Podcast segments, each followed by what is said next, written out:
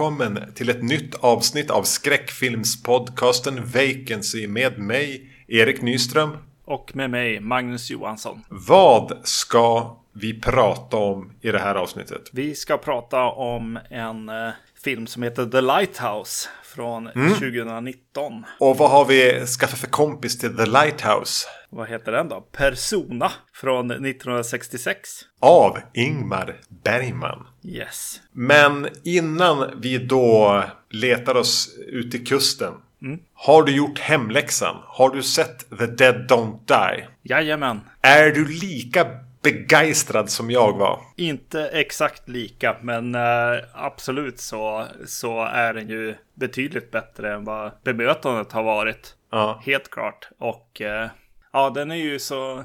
Ja, den är väldigt charmig. Mm. Om du bara spontant skulle säga eh, två zombiefilmer sen Night of the Living Dead som är bättre, vilka skulle det vara? Ja, då blir det Dawn of the Dead. Då blir det ja, det var därför jag sa två. Precis. Och sen blir det, sen blir det kanske någon, eh, ja då, blir, då får det bli eh, Fulci, någon Fulci-rulle. Ja men Zombie Flesh Eaters. Ja. Får det nog bli. Jag trodde du skulle säga the, fuska och säga The Beyond. Mm. Eftersom en del vill kalla det zombiefilm. Ja, just det. Eh, det jag har tänkt på sen vi eh, lyssnade på det jag sa om The Dead Don't Die. Det är att jag nämnde inte Alltså hur behaglig humor det är i den. Mm. Otroligt nedskruvad. Ja. Men jag tyckte nästan att allt som Adam Driver sa var jätteroligt. Ja. Exempelvis. Jo, precis. De har ju gjort uh, film ihop förr också. Jag, uh, vad tusan hette de då? Pa pa Pat Patterson. Patterson, ja. Ja, ja fy fan va. Den, ja. den, är ju riktigt den var jag golvad av. Ja. Så de passar ju ihop, helt klart. Mm. Jo, men han hittar väl sitt gäng, Jarmusch. Ja. Eh, det jag läste, det kanske du också har läst innan vi släpper den här. Det är att det är ju med en zombie i den som är naken bakifrån och går upp mot en butik eller vad det är. Ja. Det är alltså samma skådis som spelar den nakna zombien i Night of the Living Dead. Såklart det. Nej, men det är ju en jätte, jättehyllning egentligen till, till Romero på ett helt annat sätt än, än man har sett tidigare. Liksom. Eh, visst, 28 dagar senare är ju det också. Eh, ja. På sitt sätt liksom. Eh, men den här eh, regissören har ju lite mer än bara form liksom. Eller vad man ska säga. Ja men det här är ju någon med en hjärna ja, och precis. en känsla. Ja. Som gör en ganska rakt av hyllning. Mm. Det, det jag också i efterhand har tänkt på, ja men allt landar väl inte. Det är inte jättekul med zombies som, som uh, stönar efter wifi. det, är lite, det är lite gubb, lite för gubbigt för min smak. Just det. Men det var lite roligt med den som stönade efter gitarr. Chardonnay. Ja, ja. Jo men det, det var kul. Ja. Och gitarr var kul. Men, men inte liksom den här wifi. Alltså det, det, det, blev så mycket Jim Jarmusch som började dra mot 70. Just det. Vet du vad jag såg ikväll innan vi spelade in? Nej. Ready or not. Har du sett den? Ja, precis. Jo. Emil från Titta de snackar tyckte väl att det typ var den bästa filmen från 2019. Mm. Eh, men den är rätt skoj. Ja. Han har ju inte helt fel. Nej, nej. Och det är kul att tänka på den tillsammans med Knives Out. Ja, precis. Yes. För det, Ready or Not är ju säkrare i formen. Ja. Och Knives Out har fått all cred. Ja, precis. Ja. Det är märkligt. Ja. Ja, vad fan. Ja. Nu, nu kör vi svartvitt och, och, och så havsstänk. Yes, det gör vi. Uh, The Lighthouse, uh, Robert Eggers har gjort den. Och mm. uh, han har gjort The Witch, som jag tyckte väldigt mycket om. Och tycker om när jag ser om den. Jag har inte sett om den. Vi har ju pratat om den på podden. Mm. Men jag har inte sett den sedan dess. Men jag fing har fingrat på den allt mer frekvent nu. Framförallt efter, sen, efter att jag såg om den här. Mm. Just det. Så vi har väl både, båda varit lite peppade på vad han skulle hitta på härnäst. Precis. Det, är det här första gången för dig som du ser den nu då? Ja, det här var första titeln. Just det. Och det är andra för mig. Jag var på bio och såg den också. Mm, häftigt, eller? Ja, ja mycket mm. häftigt. yes. Den är alltså ja, men, skriven och regisserad av eh, Robert Eggers eh, med manushjälp från hans bror. Tror jag va? Ja, Max Eggers. Mm. Ja. pappa, son. Nej, men jag, skulle, jag är beredd att sätta en, en, en 500 spänn på att det är en brorsa. Ja. Den handlar om två wikis. Som alltså är eh, fyrhusvaktare. Filmen börjar med att de skjutsas ut till en öde ö där de två tillsammans ska hålla fyren vid liv i, vad är det, fyra veckor, sex veckor innan de blir avlösta. Så det är två män på en liten, liten karg ö. Omgivna av hav, dåligt väder, fiskmåsar och, eh, Ja. och sin egen maskulinitet kan man väl säga. Ja. Men, men det här var som sagt var andra titeln. Är det någonting från, var det någonting från biotiteln på den du hade med dig in i den här titeln? Ja, alltså jag var ju mer så här. Jag var lite mer så analytisk eh, den här gången helt enkelt. Jag ville, ville få lite mer svar och så, kände jag. Det är väl det jag kan säga. På bio var det, var, vad heter det, sköljde den verkligen över en. Jag skulle just försöka mig på den vitsen. Ja, Ja men när vi sammanfattade 2010-talet så var ju du ganska pepp på den här. mm, verkligen. Ja, men jag nämner redan nu att så här, eh, The Witch som sagt har jag sett flera gånger och, och tycker, tycker riktigt bra om. Jag kan redan nu avslöja att den här var inte lika effektiv andra gången. Med det sagt så kan vi väl gå in i den. Ja, jag tänker bara formen är ju då, alltså den är eh, fotad i ett slags 4-3-format. Ja, ännu, ännu lite tajtare än så. Ja, men precis, den kändes nästan än mer fyrkantig. Eh, och eh, svartvit. Ja. Och känns otroligt eh, spartansk och loofy. Mm. Huvudrollerna spelas av Willem Dafoe och Robert Pattinson. Mm. Och skulle det störa dig om jag redan nu vill prata om de två? Nej, det är väl det man kan prata om egentligen. Ja, för det är väldigt mycket Defoe Pattinson. Ja. För jag måste ändå bara, bara rakt ut säga. De är jättebra. Alltså de är skitbra. De är jävligt bra. Ja, Men någonstans så hade jag ändå hela tiden känslan av att jag hade tyckt ännu bättre om den här filmen om jag inte hade känt igen båda två. Ja, just det. För nu blir det lite så att jag beundrar Willem Dafoe i hans jätteskägg, lurv och eh, sjö, sj- verkligen sjöbuse tugget. Alltså tänk eh, den här kaptenen i The Simpsons. Ja, Eh, och, och Pattinson bygger ju som de senaste tio åren av sin karriär på att distansera sig från Twilight och göra bara så, knepiga och utmanande projekt han bara kan. Vilket verkligen hedrar honom. Och han, han, han, är ju, han har ju en talang. Men, men eh, även där så ser jag lite grann skådespelet. Jag kan imponeras av det, men jag ser det. Ja. Och jag ser Robert Pattinson och jag ser Willem Dafoe.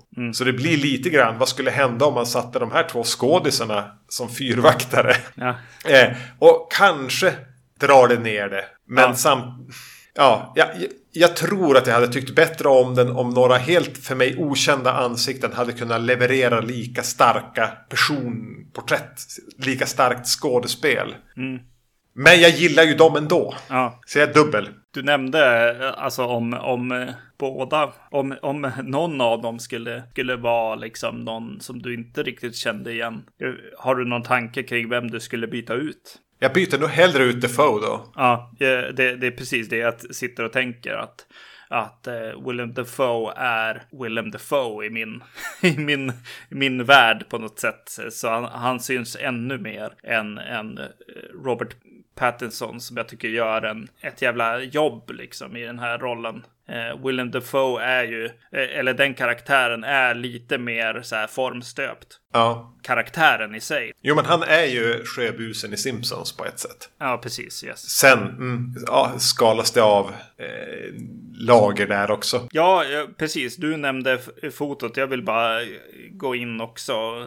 Och just den här Luffy-grejen. Att det är, det är inte det här äh, svartvita, äh, gråa liksom där man ser allting. Utan det är verkligen så här eh, rätt trasigt foto. Alltså det är så Ja. de svart, svarta partier blir alldeles för svarta. Så det försvinner mycket saker i den. I, i mörkret liksom. Eh, vilket är jävligt trevligt att titta på. Det är det ju. Alltså kontrasten här. Ganska hårda skuggor också. Mm. Och i, i vissa scener, särskilt i början när båten åker iväg till exempel, så ser man till och med hur linsen böjer sig. Man ser nästan glaset liksom i kanterna. Ja. Ja men det, det är absolut eh, charmigt och det som drar in en, helt klart. Och så även eh, kontrasten mellan dag och natt. Mm. Eh, när det är, särskilt i biosalongen kanske, när det har hänt något på, på natten och man har fått lite jobbig stämning liksom så tar filmen och verkligen bara lyser en, en lampa rakt i ansiktet på en för att indikera nu blev det nu blev det morgon, hörru. Mm. yes. Den krassa verkligheten med de här fiskmåsskriken kommer tillbaka. Jo, men det, det, gav ju även känslan av att man upplevde den här baksmällan som de alltid verkar uppleva. Mm, mm. Att de häller ju i sig ganska mycket sprit under filmen. Ja. Men eh, fotot, alltså Jarin Blaschke eller Blaschk eller någonting heter fotografen samma som, som fotade The Witch. Mm. Men The Lighthouse var alltså, och, eller Jarin Blaschke var Oscar-nominerad.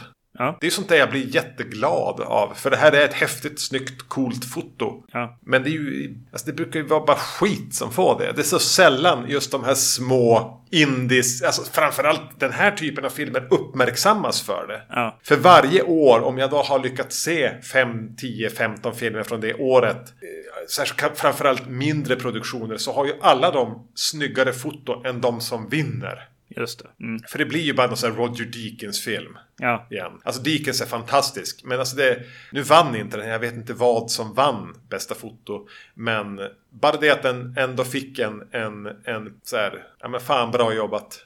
Mm. Eh, av akademin. Vilket i sin tur bara är trams. Men ändå. Jag blev lite glad när jag såg att den var nominerad. Yes, yes. Så nu kommer förmodligen Blashko ska fota sig nästa Marvel. Eh, våg eller något skit. Så då var ju, då var ju han förlorad. Ja. Men jag hoppas ju inte Eggers följer med då. Ja, just det, just det. Eh, hela, hela filmen här börjar, öppnar ju lite grann med att visa, alltså Pattinson får vara våran liksom, väg in i den här miljön. Han har Mm. aldrig jobbat i, i den här miljön och eh, Willem Dafoe är lite av en slavdrivare där. Jag tycker det är snyggt hur de låter han liksom undersöka det här eh, stället och även stämningen liksom. Mm. Ljudbilden är ju otroligt häftig, särskilt här i, i början av filmen. När det är både, både alla de här skrikande fiskmåsarna, det här, vad heter det, foghorn, Ja, mistlur. mistluren ja, som är, ligger i en byggnad där han jobbar inne i den. Ja. Vilket ju är hemsk tanke. Mm. och så sen finns det också i, i, i ljudet så finns det också en dov, liksom någonting andas eller liksom. Men som är mer en närvaro nästan. Ja, precis, något, något eh, mörkt, eh, någon...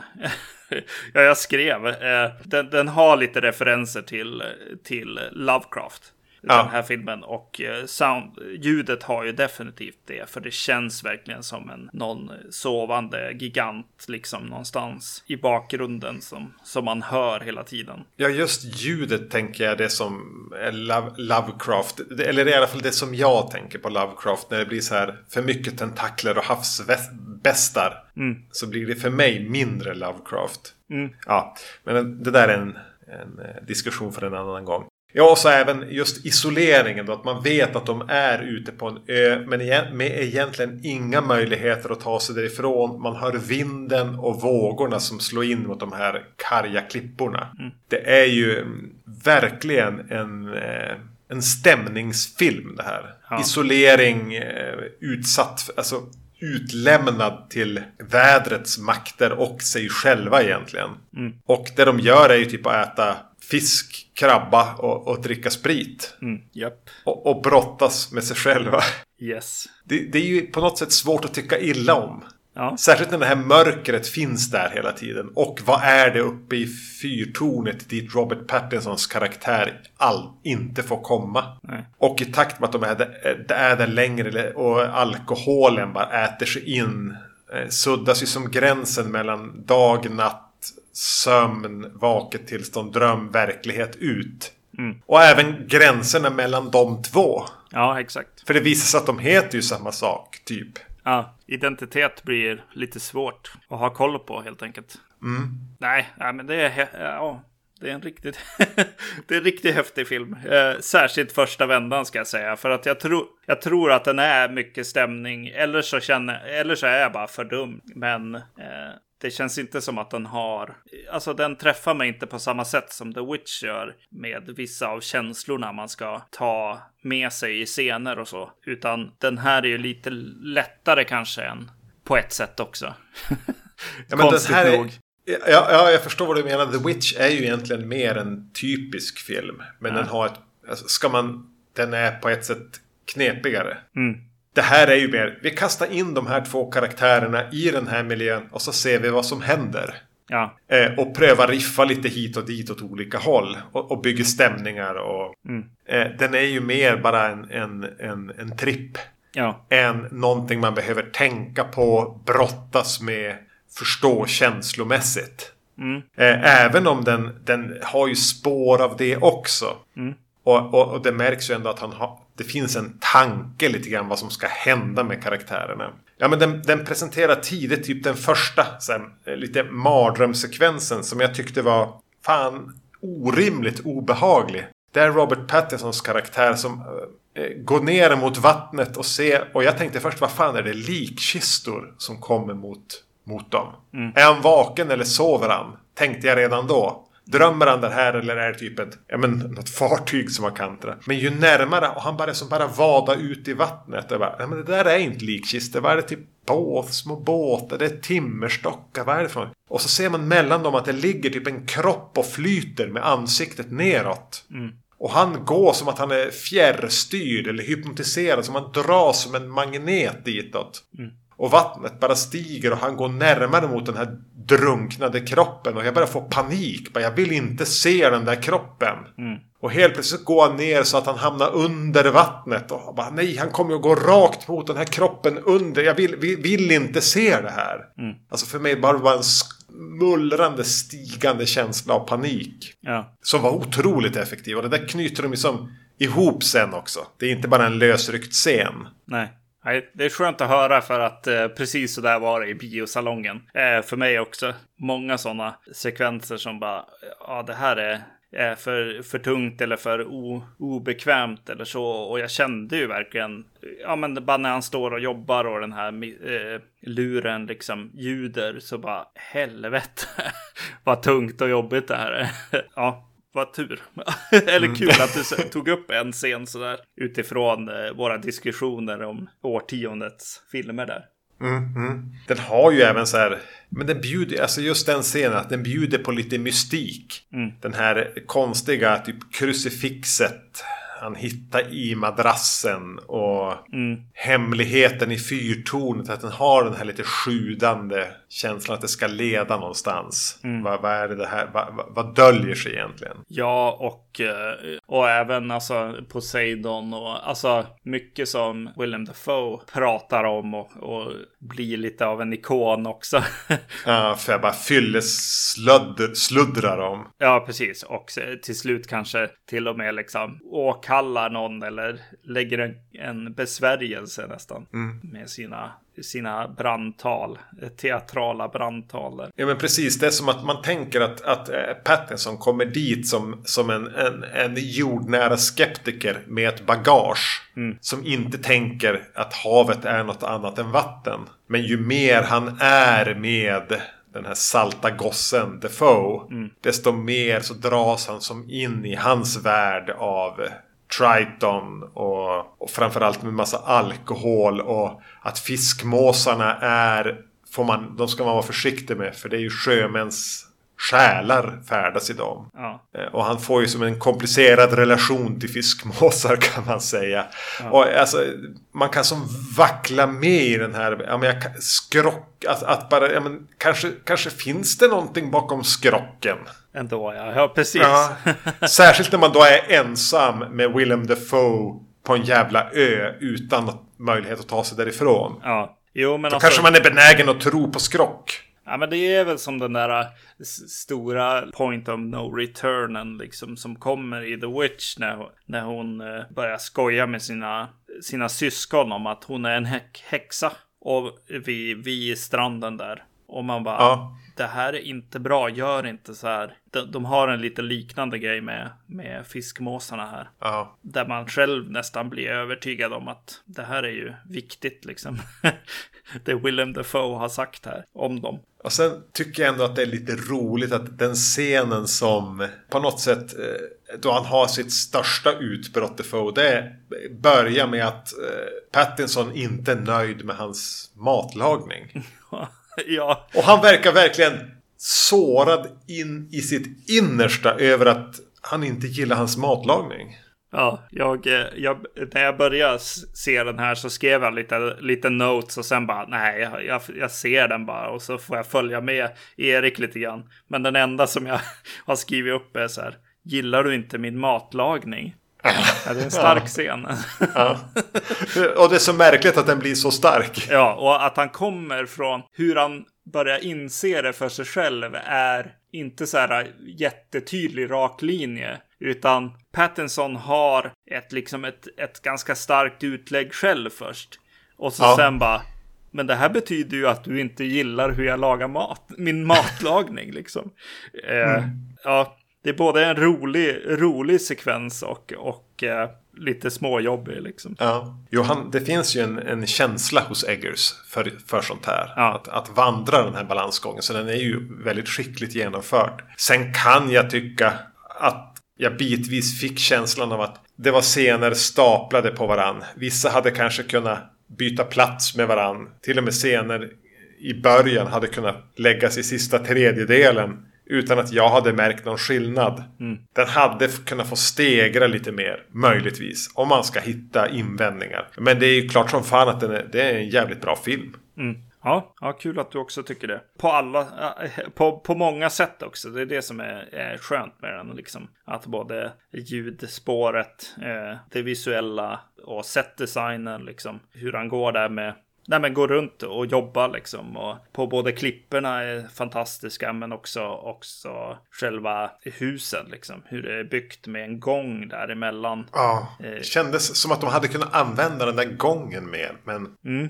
Jo, man får som bara ana den lite grann. Eh, kameran åker runt i den ibland så här och tittar in, men det, det är inget direkt drama som sker i den. Nej, men alltså, man blir både så här att jag skulle vilja vara på den där ön. Och jag skulle för mitt liv aldrig sätta min fot på den där ön. Nej, precis.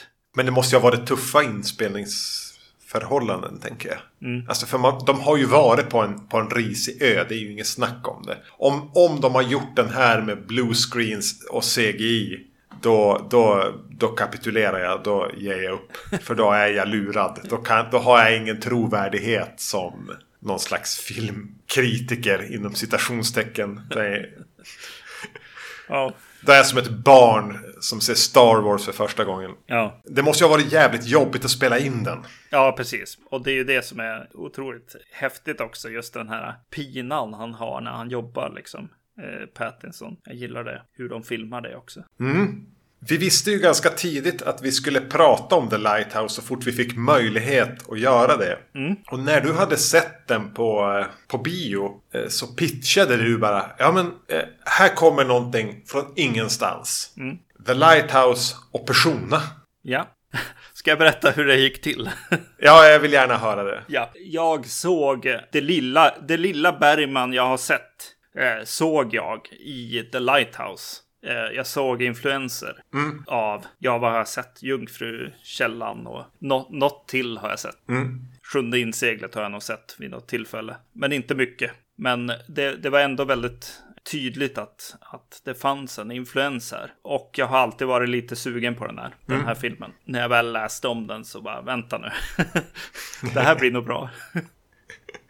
Eh, för jag har ju eh, haft en tanke ganska länge, i några år i alla fall, att vi borde... Jag gillar Bergman väldigt mycket. Jag har sett, inte allt, men det mesta måste jag väl ändå säga. Och tänkt att ja, men jag, vi borde göra ett avsnitt med liksom det som ligger närmast skräck i Bergmans repertoar. Vilket är typ 60-talet. Mm. Och då var ju Persona en av filmerna som var med där. Så jag, när du sa det så kändes det bara så klockrent. Bara, absolut, vi kör. Yeah. Och, och det lilla jag visste om The Lighthouse av trailer och bilder från den var ju att ja, men det här verkar ju uteslutande handla om två personer som är ja, men på en ö eller vid havet. Det är svartvitt. Det handlar om deras relation, hur de speglar sig i varann och hur deras personligheter påverkar varandra. Mm. Så jag var ju inte svårövertalad. Nej. Även om, om det spräckte min, min, mitt, mitt Bergman-avsnitt. Ja. Men det får vi återkomma till.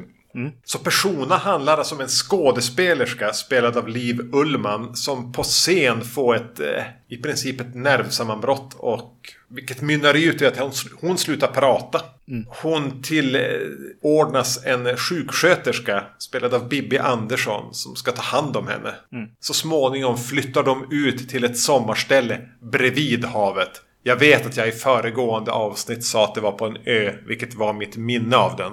Mm. Men det är i princip en ö. Det, det, och det, hur deras personligheter och erfarenheter krockar med varandra. Är väl egentligen vad den här filmen handlar om. Mm. Men det som är mest spännande för mig här är ju du som är alltså en... Jag har alltid tänkt att du skulle kunna gilla Bergman. Mm. Men du har inte varit så intresserad eller tagit dig för att bara hoppa i på det djupa. För att det är verkligen persona. Det är verkligen det djupa med Bergman. Mm. Det som är lite knepigare. Ja. Eh, vad, vad var de första där du tänkte, där du möttes av när du började se den här? Och vad hade du för förväntningar? Eh, ja, ja jag, jag, vet inte. Mina förväntningar var, var eh, att, att se någon, något typ av nervsammanbrott helt enkelt. Mm. Ja, det var det enda jag, jag, hade med mig av den här. Att den skulle handla lite grann om identitet och, och vad är det för något. Mm. Var du beredd på att få introt på Persona, ett konstfilm, artsy fartsy flum grej med en erigerad kuk i sig? Nej. Nej. ja, det var inte jag heller. Jag, var, jag, jag, blev förvånad när jag såg det nu. Vad fan var det där? Ja, jag blir, jag blir ju väldigt, väldigt, väldigt nyfiken alltså. Ja. Eh, när den här filmen börjar. Den sätter ju klorna i en. Det är helt klart att eh, den börjar med film. Attraktivt ju. Mm. Att det är mycket så här eh, filmkamera-grejer och liksom, vad heter det? Projektorn är liksom med i filmen på något sätt. Mm, det smattrar från den. Eh, här i början. Och så sen eh, får vi se eh, en massa bilder på saker som är läskigt och, och farligt och, och så, tänker jag. Eh, eller sånt som påverkar en väldigt negativt. Mm. Och, och nu, nu talar jag utifrån kanske eh, vad jag tänker att Bergman har med sig här. Han visar monster, spindlar, kvinnor och de här dödandet av, av eh, ett får eller lamm där. Mm. Och så korsfästelsen då, eh, eh, Jesus liksom eh, lidande som vi får, får gå omkring och bära på som om vi hade varit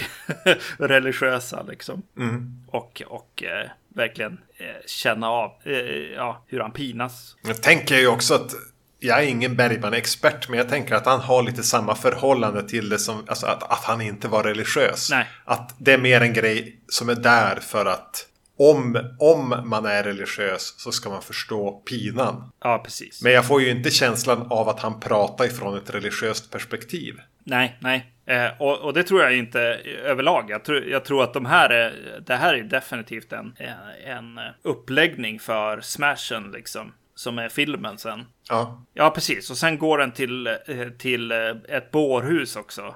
Eh, det ligger folk i, i såna här på sådana här britsar med, med sådana här tunt täcke liksom över sig. Som sen övergår till en pojkes eh, säng ja. eh, på ett väldigt häftigt sätt. För det är ju där i bårhuset liksom som det händer. Och sen börjar pojken röra på sig som ligger där död egentligen. Och, och, så, och, så helt plötsligt handlar det om att, att täcket är vridet på ett sätt så att han in, det är lite för kort liksom. Så att man har fötterna utanför och så här. Något man ju själv har upplevt i sitt liv. Ja, gud ja. Ja, ja otroligt eh, häftigt och, och det fångar verkligen en, hela det här introt och, och när pojken liksom sätter sig upp och eh, håller upp handen mot en, en mammafigur där som är lite, lite svår och, och fan, eh, och ta på. Eh, det är vad heter det, ett stort, stort ansikte med, eh, i, i dimma, vad heter det, blurrat liksom. Mm. Sådär, så att han kommer inte riktigt åt sin, sin mamma där. Och jag tänkte också att det är som att han tar på en Antingen tänkte jag att är det, ta, försöker han nå någon som är på andra sidan en tv eller en bioduk? Mm. Eller är det de som är på bioduken och ser att, att han är filmkaraktären som blir varse de som tittar på honom. Mm. Så jag tycker definitivt att det finns det här meta-lagret av att det här är en film som vet om att den är en film. Ja, definitivt. Yes. Och det återkommer ju även i, senare i den. Mm. Men det är ett ganska artsy-fartsy. Ja. Eh, på ett sätt som är, ja, ja, det är så jävla mysigt. Ja, För det här är en säker hand som styr en genom det. ja, verkligen. Eh, och det är jävligt snyggt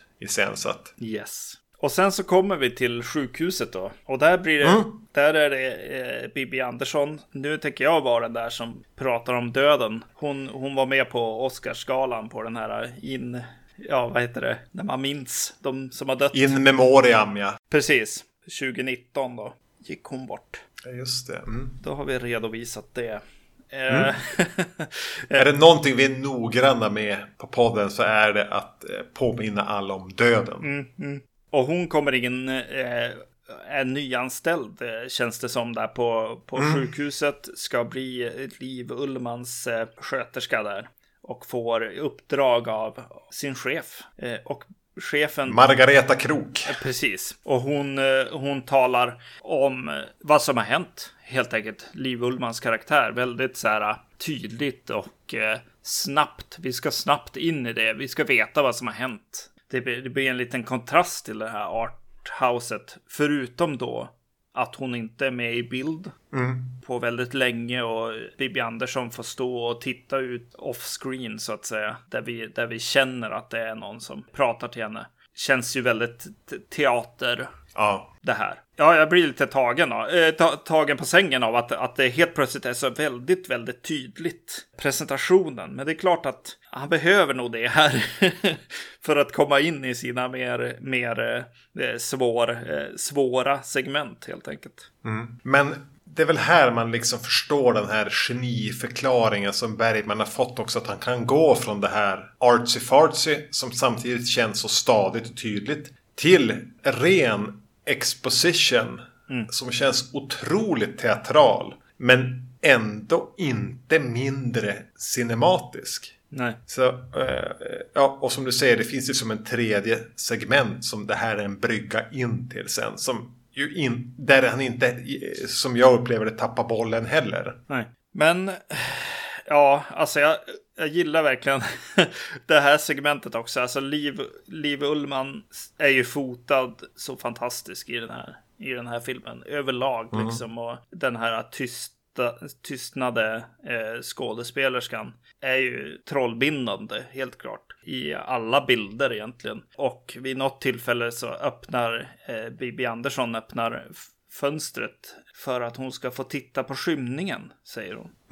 Och så sen har de ett litet samtal. Och så sen får vi bara eh, i en ga- ganska lång, långt parti i alla fall se skymningen i Liv Ullmans ansikte. Bara koncentrerat på henne medan solen går ner. Otroligt eh, vackert. Och vilken arena det är för skådespel. Ja, För det här är ju teaterskådisar som han använder sig av uteslutande.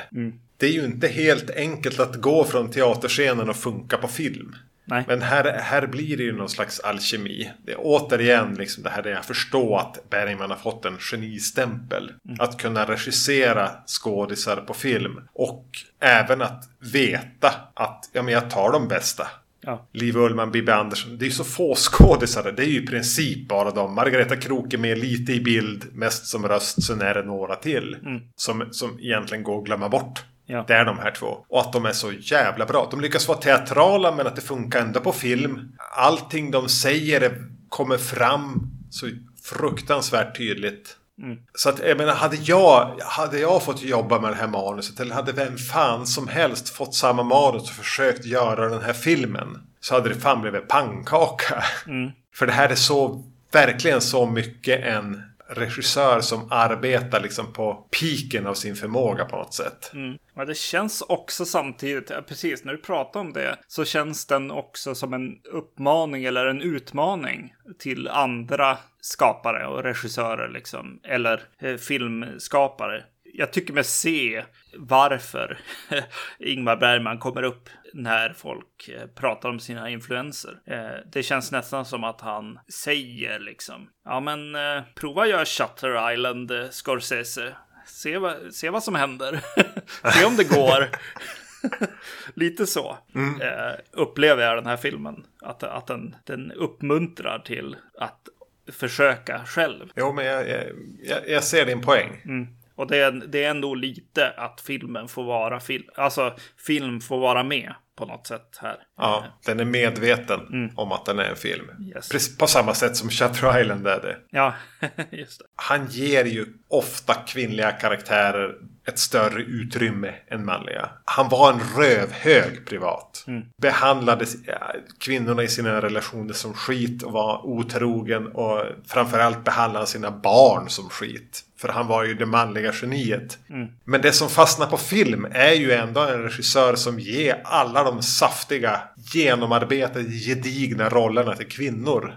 Och ger dem ordentlig regi och låter dem verkligen få jobba med sina roller. Och det är ju ganska kul att se. Ja. Eh, Men jag tänker att jag ska försöka komma ändå till eh, den här eh, identitetsbiten som vi var inne på i The, Lighthouse också. Ja. Vad som händer med de här när de är ensamma i det här huset och bara pratar med varandra. Och delar med sig av saker som de kanske inte borde ha delat med sig av. Vad händer med maktrelationerna där? Ja, men lite grann som i The Duke of Burgundy egentligen. Makt mellan personer. Alltså de nästan kannibali- kannibaliserar på varandra. I den mellan- mellanmänskliga relationen. För jag, jag skickade till dig strax innan vi spelade in en poster Ja. på Persona. Som egentligen består av eh, två pusselbitar på varsin sida av postern. Med halva ansiktet på Liv Ullman och på andra sidan har vi halva ansiktet på eh, Bibi Andersson. Pusselbitarna är inte ihoplagda utan men det är en tydliga bitar. Och däremellan står då titeln och allting. Någonstans vill man lägga ihop de här bitarna. Och jag vet, jag lyssnade på en podd, jag tror det var Filmspotting, som bara nämnde den på så här Great Movie Posters. Att det är någonting med de här bitarna, att man vill lägga ihop dem. Men man vill samtidigt för allt i världen att de inte ska passa ihop. Nej. För det är någonting med det här med sammansmältningen av identiteter och persona. Helt enkelt. Att, eh, och, och, och hur liksom de man är nära sipprar in i en själv och förändrar den man är. Som är ganska obehagligt. Och som är ett återkommande tema här. Fantastiskt iscensatt. Ja, men både i postern då. Men i några scener när de liksom kommer prata med varandra. Fast de kanske inte gjorde det. Någon går in i rummet när den andra sover. Fast kanske inte gjorde det. Otroligt.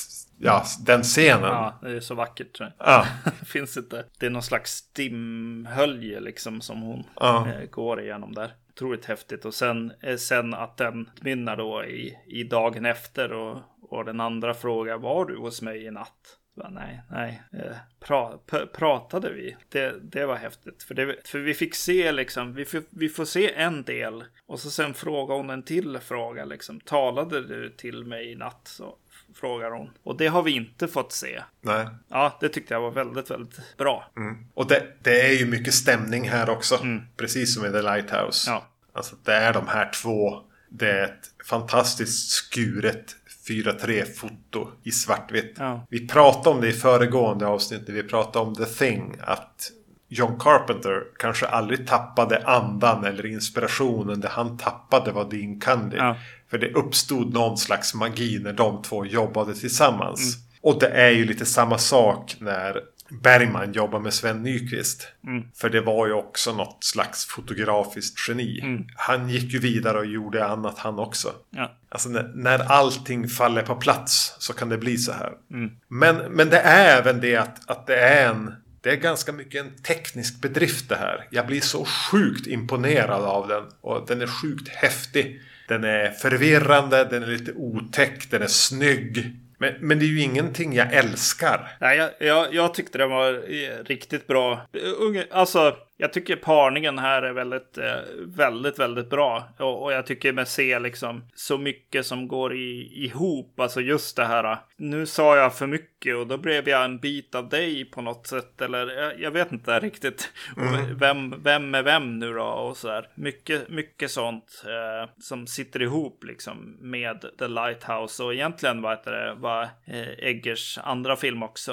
Eh, The Witch. Eh, med den här känslan av att det där skulle jag inte ha gjort den eh, infinner sig här lite grann, helt klart. Gör du en bild med, med Robert Pattinson på en pusselbit och Liv Ullman på den andra? just det, just det. Något som, eh, som slog mig i slutändan, liksom tänkte jag så här. Eh, nu, nu kanske jag drar liksom Ingmar Bergman in i, in i den här mannen med ångesten och, och det, nidbilden på något sätt. Jo, men det var han också. Ja. Så, ja. För att jag, jag upplever att, att eh, i slutändan så om, jag, om man kommer tillbaka till starten av den här filmen när han visar en massa saker så här monster och, och eh, skelett som rör sig och spindlar och blod och sånt man kan vara rädd för liksom. Eh, det känns som att det, det är inte det, det hemska utan det hemska är att titta inåt eller känna och tänka egentligen.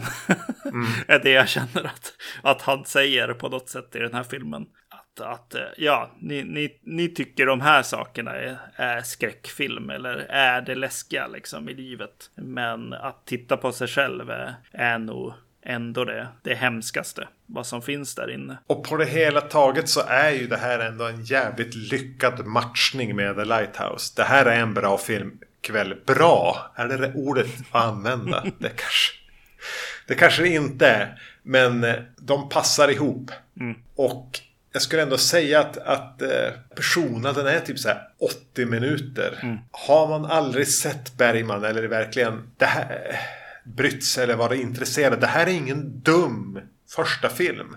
Nej. Om man kommer från skräckfilms knäppfilmshållet. Mm. Att bara, ja men se den här då. För den är liksom lite knäpp. Ja. Den har arthouse-vibbarna, den har ett fantastiskt svartvitt foto. Och den har eh, otäcka element. Ja. Och även om du inte liksom älskar den så är den ju ändå över ganska snabbt. Mm. Så, så börja, eh, jag skulle säga att det här är en bra punkt. Och jag tänker framförallt för våra lyssnare att börja med Bergman. Mm. Börja med personer för fan. Yes. Och Ja, precis. Jag måste bara nämna på tal om foto och, och snyggt och så. Alltså, eh, jag köpte den här Criterion-boxen som har kommit. Bergman. Med allt Bergman, ja. Mm. Så otroligt vacker eh, utgåva av den här filmen. Mm. Jag, jag, vet ju inte hur den, hur den ser ut på annat, men jävla vad fin den var alltså. Mm. Ja, jag har också sett den på, på, jag skulle tro det är samma utgåva. Mm. Och den ser ju helt, ja, vad fan. Ja. Magisk jävla utgåva. Yes. Eh, Men ja, eh, jag ska gräva mer i den där äh, lådan har jag hört. Ja, du ska ju få göra det. Mm. Eftersom jag hade eh, i några år haft en tanke på ett så här, Bergman horror avsnitt.